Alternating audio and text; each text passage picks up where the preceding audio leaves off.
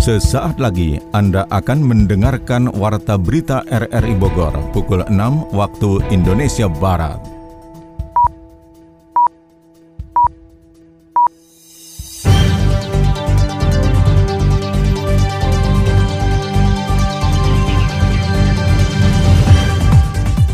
Selamat pagi.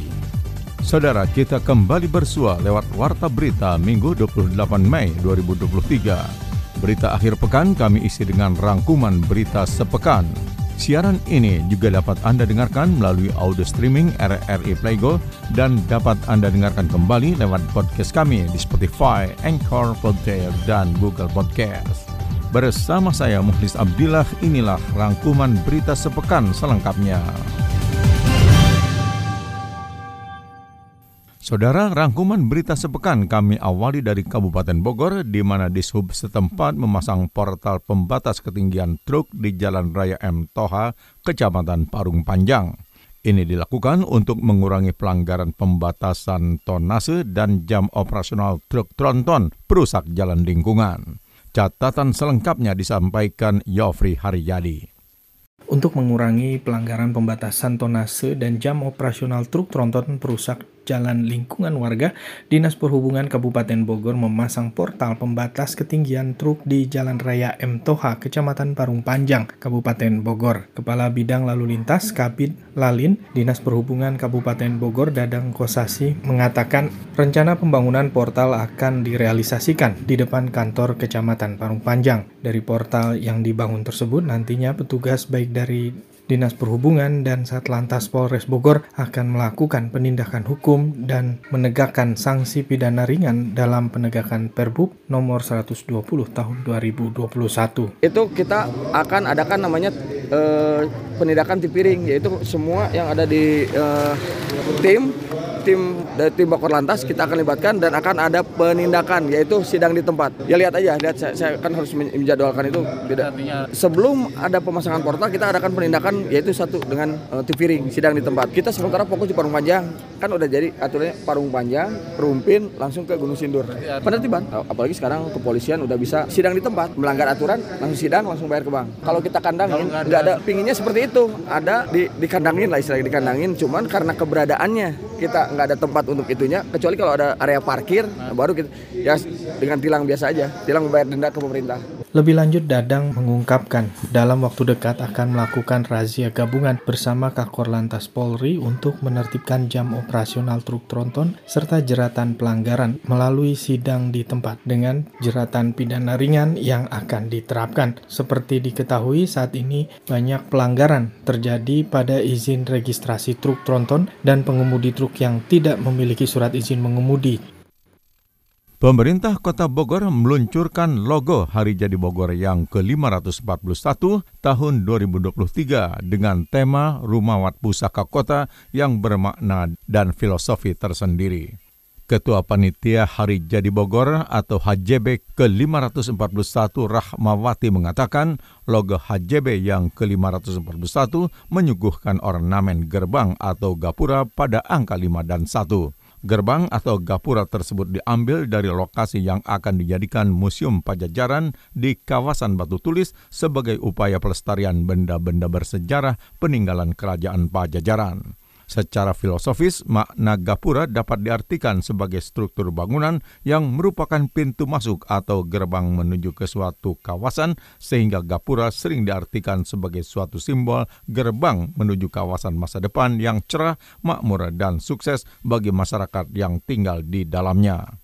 Kemudian angka 4 yang diapit oleh Gapura Tutur Asisten Umum Setda Kota Bogor itu disematkan ornamen kujang sebagai benda pusaka Jawa Barat sekaligus salah satu ikon Kota Bogor.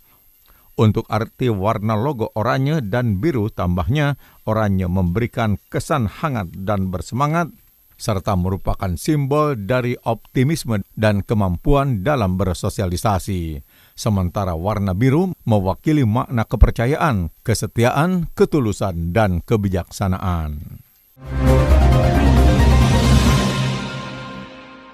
Pemerintah Kota Bogor menyampaikan langsung kepada Kemenhub terkait rencana teknis keberadaan tram dan dukungan regulasinya di Kota Bogor. Berikut catatan Adi Fajar. Pemerintah Kota Bogor sudah menyampaikan secara langsung kepada Menteri Perhubungan Budi Karya Sumadi terkait rencana perkereta apian dalam kota atau tram. Pembahasan yang disampaikan pada Menhub ialah terkait rencana teknis keberadaan tram dan dukungan regulasi di Kota Bogor. Wakil Wali Kota Bogor Dedi Arahi mengatakan, pihaknya saat ini telah membentuk tim gabungan untuk memfinalisasikan hal-hal tersebut. Dedi menjelaskan tram di Kota Bogor yang rencananya bakal dinamakan Tram Pakuan yang akan memiliki empat koridor. Salah satunya menghubungkan Terminal Barenang Siang, Stasiun LRT Barenang Siang, stasiun tram Bernang Siang dengan stasiun kereta Bogor. Sebelumnya, Wali Kota Bogor Bima Arya mengatakan uji kelaikan atau visibility studies tram di Kota Bogor saat ini sudah selesai. Tahap berikutnya ialah memasuki proses pendanaan dengan dikoordinasikan bersama dengan Kemenhub, Kementerian BUMN dan Badan Pengelola Transportasi Jabodetabek atau BPTJ Kemenhub. Pemkot Bogor juga berfokus menyiapkan kelayakan struktur untuk rel perkeretapian dalam kota ini. Tram diharapkan bisa hadir dan beroperasi di Kota Bogor sekitar 2 hingga 3 tahun lagi. Rencananya pada tahun 2024 atau 2025 bisa dimulai proses pembangunan fisik untuk jalur tram. Akses jalan alternatif menuju Tangerang, Banten dari Medang Sukamulya dan Suradita Rumpin Kabupaten Bogor tertutup longsor. Selain tingginya curah hujan, longsornya turap diduga akibat banyaknya truk tronton yang melintas di jalan tersebut. Selengkapnya dilaporkan Yofri Haryadi. Akses jalan alternatif menuju Tangerang, Banten dari Medang, Sukamulya, dan Suradita, Rumpin, Bogor tertutup akibat turap penahan tebingan di lokasi tersebut longsor. Beruntung peristiwa yang terjadi pada minggu sore di tengah hujan deras itu tidak memakan korban bagi pengguna jalan yang melintas di kawasan itu. Kepala Desa Sukamulya, Kecamatan Rumpin, Bogor, Ikhwan Nur Arifin mengatakan longsor menutup jalan berada di RT 3 RW 8 Desa Sukamulya memutus areal jalan seluas 40 meter persegi dengan kedalaman sekitar 20 meter. Pihak desa sudah melaporkan peristiwa tersebut untuk ditindaklanjuti BPBD setempat, termasuk usulan kepada Dinas PUPR untuk rencana perbaikan turap dan menyambung ruas jalan yang terputus. Karena curah hujan tinggi kemarin deras, uh, sore kemarin sehingga debit air yang masuk ke wilayah uh, drainase jalan ini. Cukup tinggi tidak tertampung kemudian masuk ke sela-sela pondasi ini dan mengakibatkan pondasinya uh, tergerus terbawa air ke bawah sehingga mengakibatkan uh, pinggir bagian jalan desa ini uh, jatuh longsor. Ini jalan desa yang uh, terutama untuk kendaraan-kendaraan berat bertonase tinggi, uh, kami minta untuk sementara mengalihkan ke jalur lain karena masih banyak jalur yang bisa dilewati. Uh, artinya tidak melalui jalan yang arah uh, Medang menuju untuk sementara akses truk tronton menuju Tangerang, Banten ditutup melalui jalur tersebut dan mencari jalur alternatif lainnya yang lebih aman. Selain tingginya curah hujan, longsornya turap yang memutus akses jalan di Desa Sukamulya, Rumpin, Bogor diduga akibat banyaknya truk tronton yang melintas di jalan itu. Harga telur ayam negeri di Bogor meroket hingga Rp32.000 per kilogram. Berikut catatan Sony Agung Saputra. Masyarakat yang melakukan transaksi jual beli telur di Kota Bogor harus merogoh kocek lebih dalam dari harga sebelumnya. Saat ini harga telur di pasar tradisional Kota Bogor sudah merangkak naik menjadi Rp32.000 per kilogram. Humas Perumda Pasar Pakuan Jaya Sri Karyatno menjelaskan, harga per pekan ini sudah melonjak pada Rp32.000 per kilogram, sedangkan pada perdagangan pekan kemarin mencapai Rp30.000 per kilogram. Harga naik ini terjadi pada hampir semua pasar tradisional di Kota Bogor sehingga pihaknya melakukan pengawasan distribusi agar tidak terjadi kelangkaan pasokan komoditas telur. Perumda juga berkolaborasi dan berkoordinasi dengan Dinas Perindustrian dan Perdagangan agar cepat mengantisipasi adanya kelangkaan dengan adanya pasokan telur ke pasar tradisional di Kota Bogor. Telur di pasaran Kota Bogor yang mana memang uh, saat ini kami up to date dari mulai tanggal 15 sampai tanggal 19 Mei 2023 telur itu mena- uh, mengalami kenaikan. Mungkin hari ini kita masih pantau apakah pengembangannya selain kenaikan atau uh, ada kelangkaan. Masih dalam pantauan Bang dalam kelangkaan. Gitu. Itu sebagian besar uh, pedagang telur tutup. Benar nggak? Kalau tutup belum dalam pantauan, Bang. Jadi kita bisa update nanti kita lagi mau survei dulu apakah memang semua pasar ini ada beberapa kios telur itu mengalami tutup ataupun tidak gitu. Ya tentunya antisipasi kami mencoba mendiskusikan sama bagian-bagian terkait, dinas-dinas terkait apakah memang bisa membuatkan satu salah satunya apakah ada satu pasar khusus telur didatangkan dari dari apa namanya kementerian ataupun dari dinas-dinas terkait. Sementara itu Kepala Unit Pasar Induk Teknik Umum Kemang Iwan Budiman mengungkapkan memang pada pasarnya terdapat dua pedagang besar yang saat ini tutup untuk menjual komoditas telur dengan alasan yang belum jelas. Sedangkan harga telur ke pasar tradisional memang sudah mencapai 32.000. Saat ini pihaknya juga terus melakukan upaya agar pedagang tetap menjual komoditas tersebut. Dua-duanya belum bisa disurvei. 32 nah hari ini ada dua yang jual telur di pasar Tekom itu posisinya tutup dua-duanya. Nah kalau cara kita mengendalikan mah uh, ya di monitoring harga, kemudian uh, uh, kita berkomunikasi sama supplier supplier supaya yakin pengiriman tidak uh, terhambat. Tutupnya kenapa itu Pak? Nggak tahu ya, saya uh, belum update dari tetangga-tetangga kiosnya, cuma kan ada dua kios kalau di Tekum, dua-duanya tutup apa ada keperluan keluarga atau memang sedang bermasalah gitu dengan dengan uh, distribusi dan lain sebagainya. Oke, artinya pasokan uh, baru hari ini aja tutupnya ya? Baru hari ini karena kemarin itu naik seri eh, naik 2000 ya dari 30 ke 32. Nah, saya belum update nih pasar. Masyarakat juga dihimbau tetap tenang saat terjadi gejolak kenaikan harga telur sehingga bisa melakukan antisipasi untuk sumber panganan sehari-hari. Uh, nilaiku turun nih semester ini. Ya elah, perkara turun nilai. Hmm, gitu deh. Lah, aku apa lagi? Tapi santai, positif five aja. Kayaknya nggak semua hal harus direspon positif deh. Kenapa? Kamu pernah gak sih denger tentang toxic positivity? Toxic positivity? Apaan tuh? Ya, macam kondisi kita sekarang ini nih. Maksain perasaan bahagia ke semua kondisi. Nah itu tuh namanya toxic. Kok toxic? Iya, karena kita malah coba kesampingkan perasaan kita yang sebenarnya. Hmm, jadi harus gimana dong? Kita harus belajar buat ngizinin diri kita ngerasain emosi negatif yang terjadi. Ya, biar bisa paham sih sama situasi yang sebenarnya. Bukannya positif itu lebih bagus daripada negatif? Yeay, daripada sosok positif tapi ada beban dalam hati, mental health lama-lama. Aku nggak sadar sih, kirain biasa aja. Ah udahlah, pokoknya nih ya, semester depan kita jangan males-malesan lagi, oke? Okay? Oke deh.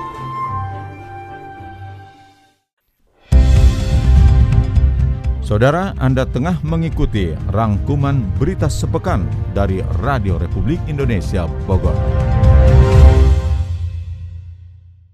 Sejumlah PKL di Cikreteg, Caringin, Kabupaten Bogor mulai mengeluhkan dampak pembangunan jembatan di kawasan itu seperti dilaporkan Yofri Haryadi. Sejumlah pedagang kaki lima di Cikretek Caringin Bogor mulai mengeluhkan dampak pembangunan jembatan di kawasan itu.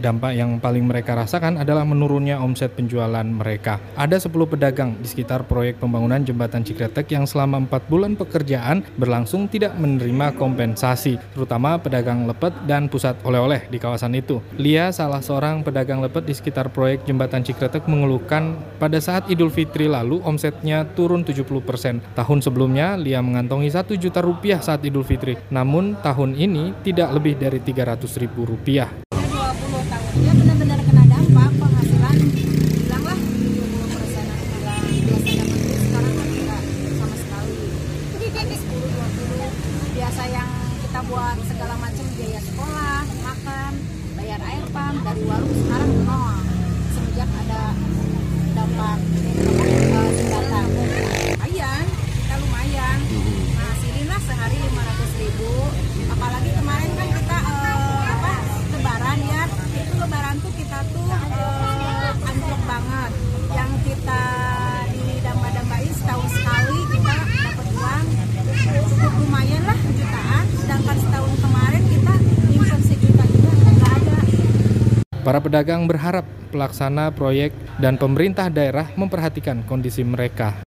Kalau pedagang lepet adanya 10 10 warung lepet sama mie Aceh, perabotan termasuk itu. Uh, bengkel sama gorden, uh, bengkel mobil, bengkel motor sama gorden. Katanya sih beliau bilang katanya nyampe 8 bulan. Nyampe 8 bulan, 4 bulan jalan. Ada lebih dari 10 keluarga yang hidup dari berjualan di kawasan Cikretek, Kecamatan Caringin, Kabupaten Bogor. Tim advokasi warga, Muhsin, mengatakan tidak saja omset yang menurun, dampak pengeboran dan pemasangan tiang pancang di proyek itu pun mengakibatkan rumah tinggal para pedagang di sekitar itu retak dan belum ada respons dari pemerintah. Mereka itu biasa pendapatan yang seharinya itu 500 ribu per hari.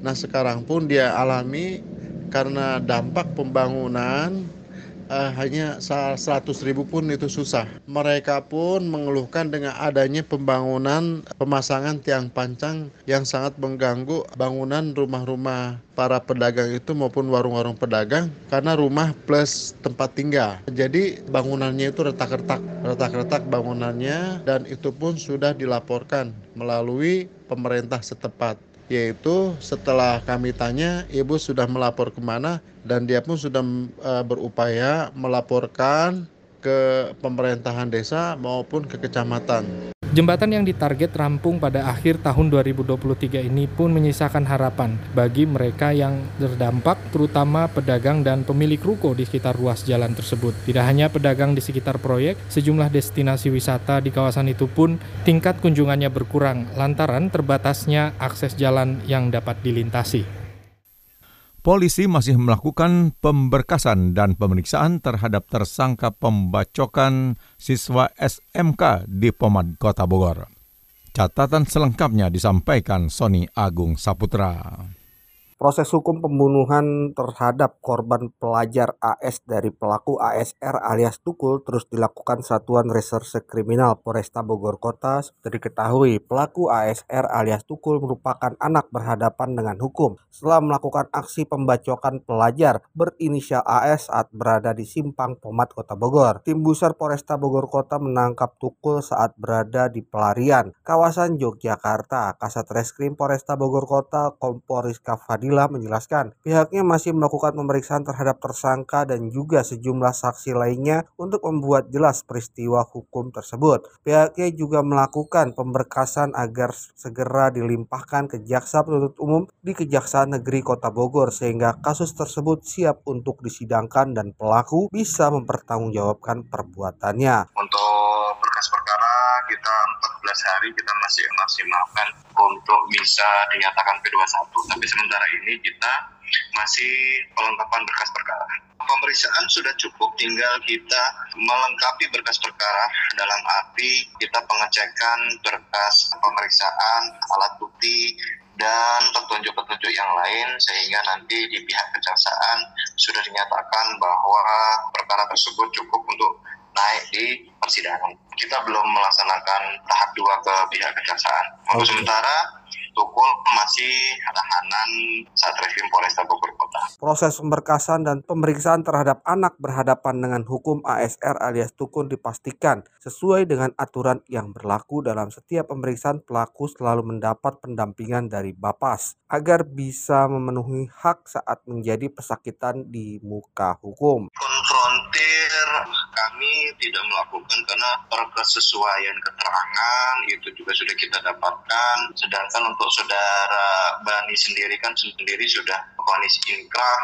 Sedangkan untuk sementara kan Salman kita masih sama statusnya karena memang dia sudah dewasa. Jadi saat ini tahapannya pun sedang pemenuhan berkas perkara. Untuk sementara kondisi psikologis secara untuk pemenuhan ataupun pengambilan keterangan untuk yang bersangkutan juga dapat memberikan keterangan-keterangan secara wajar kemudian dari faktor kesehatan juga tidak ada masalah sehingga untuk pemeriksaan sementara ini belum diperlukan untuk psikologis untuk pemenuhan anak kita juga ada kekhususan dalam sistem peradilan anak Polresta Bogor Kota juga melakukan upaya untuk memutus mata rantai kekerasan agar nantinya ASR alias Tukul tidak mengulangi perbuatan jahatnya sehingga bisa kembali hidup seperti anak atau remaja lainnya.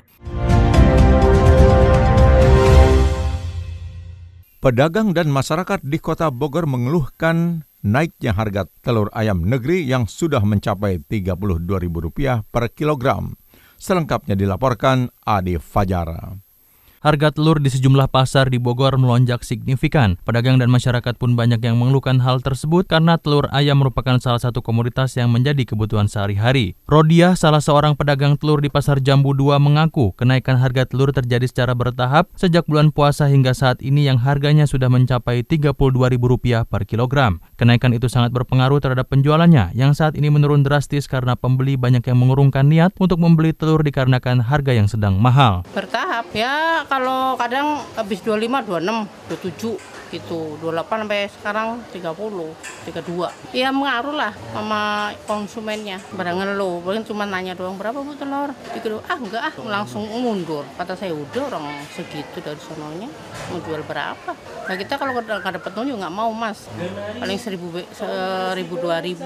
Ya sejak mau puasa. Pedagang telur ayam ras lainnya bernama Dudung mengungkapkan hal yang sama. Omset dagangannya menurun sejak harga telur naik. Ia mengungkapkan kenaikan harga telur telah terjadi pasca lebaran lebaran dari sebelumnya Rp28.000 per kilogram dan saat ini merangkak naik di angka Rp32.000 hingga Rp33.000 per kilogramnya. Dirinya berharap pemerintah cepat mengambil sikap untuk menekan harga telur agar tidak membebani masyarakat. Kalau sebelum lebaran itu 28 ya, normal. Karena kan ada turun naiknya, waktu itu nggak nyampe 28. Tapi waktu lebaran, mau lebaran sampai lebaran itu 28. Tapi ternyata setelah lebaran ini, ternyata ada kenaikan yang melonjak gitu ya. Ya udah seminggu ini kayaknya masih sama aja ya 32 gitu. Belum ada kenaikan belum ada ini. Tapi kayaknya penjualan ini yang nggak seperti biasanya ramai gitu sepi tetap sepi karena harga terlalu mahal mungkin gitu ya. Ya kalau bisa ya segeralah harga telur ini turun ya. Ya kalau sekisaran 25 gitu kan rakyat juga nggak begitu jauh gitu ya. Menyikapi harga telur yang naik Menteri Perdagangan Zulkifli Hasan angkat bicara. Ia membeberkan penyebab harga telur meroket salah satunya karena banyak pengusaha telur yang bangkrut karena menjual telur dengan harga yang murah saat sebelum Idul Fitri. Penyebab lainnya adalah sebagian besar indukan ayam diremajakan atau dipotong sehingga membutuhkan waktu kembali untuk mengejar produksi, ditambah dengan harga pakan ayam yakni jagung yang juga tengah mengalami kenaikan. Untuk itu Kemendak dikatakan Zulhas berencana memberikan subsidi jagung sebesar Rp1.500 per kilogram. Namun rencana itu masih dibahas dan belum diputuskan oleh pemerintah. Telur itu kan selama ini banyak sekali pengusaha telur itu yang tutup bangkrut karena harganya terlalu murah. Bahkan mau lebaran aja 25 ribu, 26 ribu. Bangkrut orang. Karena dia harganya harus jualnya itu 28 ribu. Nah oleh karena itu sebagian itu induk-induknya itu diremajakan. Potong gitu dan perlu waktu. Ya satu. Kedua memang ada beberapa harga seperti jagung, terdengar pakan naik. Tentu akan mempengaruhi. Nah oleh karena itu tentu harus diambil langkah-langkah. Pertama tentu produksinya ya. Saya kira perlu sedikit. Sebentar lagi juga sudah mulai stabil. Kedua kita lagi diskusikan soal jagung. Kalau dulu jagung kalau sampai harganya mahal kan disubsidi pemerintah 1.500 per kilo kilo. Cuman sekarang kalau andai kata itu nanti kita putuskan belum, ini lagi akan dibahas. Tapi yang disubsidi itu dari petani lokal, jangan sampai yang impor disubsidi gitu. Kemendak meyakini harga telur ayam yang meroket ini akan segera stabil saat produksi kembali normal dan harga pakan yang juga terjangkau. Karenanya pemerintah belum akan membuka opsi operasi pasar murah dalam waktu dekat sambil melihat perkembangan harga telur ayam di pasaran. Peternak ayam Bogor menyebut kenaikan harga telur ayam negeri saat ini akibat usia pergantian indukan dan langkanya pasokan di tingkat agen serta pengecer. Kondisi itu diperparah wabah penyakit ngorok pada ayam. Catatan selengkapnya disampaikan Yofri Haryadi. Kenaikan harga telur ayam negeri di pasaran, salah satu penyebabnya dikarenakan usia pergantian indukan ditambah langkanya pasokan di tingkat agen dan pengecer. Kondisi tersebut diungkapkan Syamsuddin, pemilik Syamjaya Farm di Desa Jampang, Kecamatan Kemang, Kabupaten Bogor. Beternak ayam petelur Leghorn atau ayam negeri ternyata memiliki banyak resiko, terutama dengan harga pakan yang selama ini untuk kelas peternak menengah masih sangat bergantung. Meski diakui harga pakan sangat relatif bagi sebagian peternak, namun yang memang banyak terjadi adalah pada siklus pergantian indukan yang diprediksi merata dirasakan para peternak kelas menengah. Ayam petelur itu siklusnya kan per 6 bulan sekali ganti indukannya. Ketika indukannya sudah banyak yang akhir kan kemarin sempat murah tuh. Akhir untuk kembali dengan kuota yang sama itu menunggu 6 bulan. Jadi kebutuhan pasar lebih tinggi biasanya harga otomatis naik. Justru waktu kemarin itu malah murah waktu pas pemba, apa uh, dibantu telur itu kan malah jadi murah karena kan banyak dari si masyarakat tuh dapat bantuan telur kan. Nah setelah itu habis konsumsi kan normal kembali. Nah barangnya itu udah mulai nggak ada. Lebih lanjut Samsudin mengungkapkan untuk menekan biaya produksi pada variasi pakan hanya akan efektif untuk peternakan ayam dengan skala produksi di atas 40.000 ekor. Sementara untuk ternak dengan skala ratusan hingga ribuan ekor mengantisipasinya dengan pemanfaatan grading pakan, dedak, atau bekatul. Faktor-faktor lain yang menyebabkan turunnya harga telur beberapa bulan lalu adalah bantuan pangan non-tunai yang diberikan pemerintah kepada keluarga penerima manfaat berupa telur ayam negeri. Di samping itu, faktor yang menyebabkan produksi telur menurun adalah wabah penyakit dengan istilah penyakit ngorok pada ayam. Kan kadang-kadang ada penyakit masa atau misalnya masa-masa sekarang kan ini lagi panas kan ya tiba-tiba ayamnya ngorok gitu ya. Ngorok itu produksi telur sedikit juga itu pengaruh untuk ayam koram tuh besar pengaruhnya. Di tingkat pedagang pengecer seperti di toko kelontong di Sinangsari Bogor Selatan harga telur yang dijual berkisar Rp33.000 per kilogramnya. Cliff salah seorang pedagang kelontong mengatakan konsumen mensiasatinya dengan membeli dalam satuan butiran atau kemasan yang lebih kecil seperempat kilogram dan dijual Rp8.700 harganya lagi hampir 30 kemarin. Iya, 30 per kilo. Per petinya 4 setengah. Jadi harga konsumen berapa jual? 33. 33. 32 33. Sebelum naik 26 lah paling 27 gitu. Pernah tahun tahun lalu deh. Jadi kalau jual seperapat kita paling tinggi 8 setengah. Kapasitas produksi setiap peternakan berbeda, bahkan di lokasi dekat dengan peternakan ayam petelur, peternak menjualnya dengan harga 1.300 hingga 1.500 rupiah per butirnya. Siklus melonjaknya harga telur ayam negeri itu pun pernah terjadi pada tahun sebelumnya dan diprediksi berlangsung tiga bulan ke depan.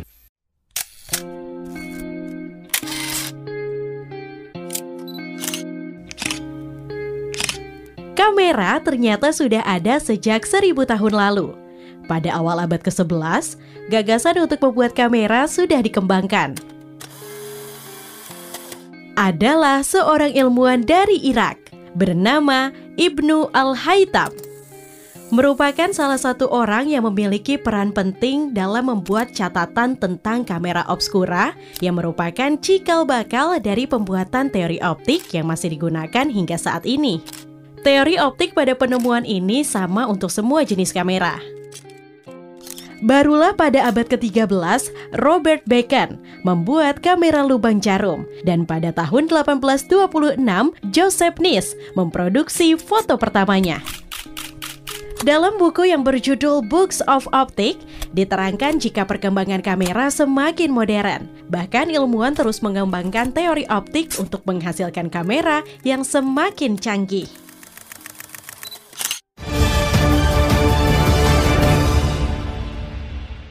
Pertemuan antara warga terdampak dan penanggung jawab proyek pembangunan jembatan Cikertek, Kecamatan Caringin, Kabupaten Bogor tidak membuahkan kesepakatan. Belum ada angka dan kompensasi apa pun yang diberikan kepada warga terdampak. Yofri Haryadi kembali menurunkan laporannya. Tadi udah udah kita sampaikan juga ya, ya masalah itu. Cuman dari pihak PUPR hmm. menyatakan ya itu yang tadi saya bilang itu ya kembali lagi karena memang sosialisasi ini anggarannya nggak termasuk ke sana gitu. Yang belum Jadi mungkin satu minggu ini ada Belasan warga terdampak proyek pembangunan jembatan Cikretek Kecamatan Caringin Kabupaten Bogor dikumpulkan di aula kantor Kecamatan Caringin Kabupaten Bogor. Mereka menyampaikan keluhan selama tiga bulan lebih proyek pembangunan jembatan yang longsor akibat bencana. Pada pertemuan itu terungkap bahwa pihak Kementerian PU dan pelaksana kerja dari PT Berantas Abib Raya ternyata tidak mengalokasikan anggaran untuk sosialisasi, terlebih ganti untung kepada warga terdampak proyek tersebut. Terlebih mayoritas bangunan terdampak berada di bantaran bantaran tebingan curam dan dilaporkan tidak memiliki izin mendirikan bangunan atau IMB. Salah seorang penanggung jawab pekerjaan dari PT Berantas Habib Raya, Dondon, mengutarakan pekerjaan yang dilakukan adalah proyek infrastruktur kedaruratan penanganan bencana dengan mekanisme pendekatan kedaruratan. Akan dijadwalkan ulang lagi.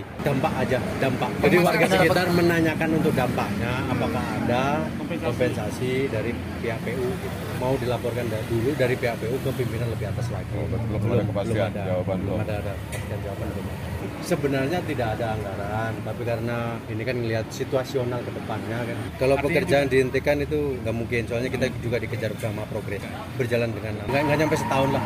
Proyeknya sebenarnya ini bukannya direncanakan. Jadi proyek ini semuanya itu karena disebabkan karena bencana. Jadi ini judulnya proyek tanggap darurat bencana alam. Jadi bencana dulu terjadi, baru kita tangani. Sementara itu mewakili warga terdampak tokoh masyarakat Kecamatan Caringin Bogor, Syafruddin Jeffrey mengungkapkan peristiwa longsor di jembatan tersebut sudah diprediksi sejak lama. Seharusnya ada alokasi yang dipersiapkan untuk warga terdampak di sekitarnya. Bahwa dalam waktu dua minggu paling lambat akan segera melaksanakan sosialisasi Kementerian PUPR dengan masyarakat. Saya pegang janjinya, tapi menurut masyarakat katanya memang sudah beberapa kali janji tapi tidak tepati. Tapi yang sekarang saya mohon mudah-mudahan kali ini ditepati. Jadi dalam waktu dua minggu mereka bilang akan sosialisasi untuk untuk masalah lahan dan juga untuk masalah masyarakat yang terdampak ekonomi. Dan kalau makin lagi dengan mohon dengan sangat kita mungkin akan bersilaturahmi kepada Bapak Presiden Republik Indonesia untuk minta bantuan. Pertemuan itu pun tidak membuahkan kesepakatan antara kedua belah pihak, baik warga terdampak dan pelaksana proyek jembatan Cikretek. Belum ada angka dan kompensasi apa pun yang diberikan kepada warga terdampak proyek pembangunan jembatan Cikretek, Kecamatan Caringin, Kabupaten Bogor. Rencananya pertemuan akan kembali dilakukan dengan menghadirkan pucuk pimpinan dari Kementerian PU, pemerintah daerah dan kontraktor proyek.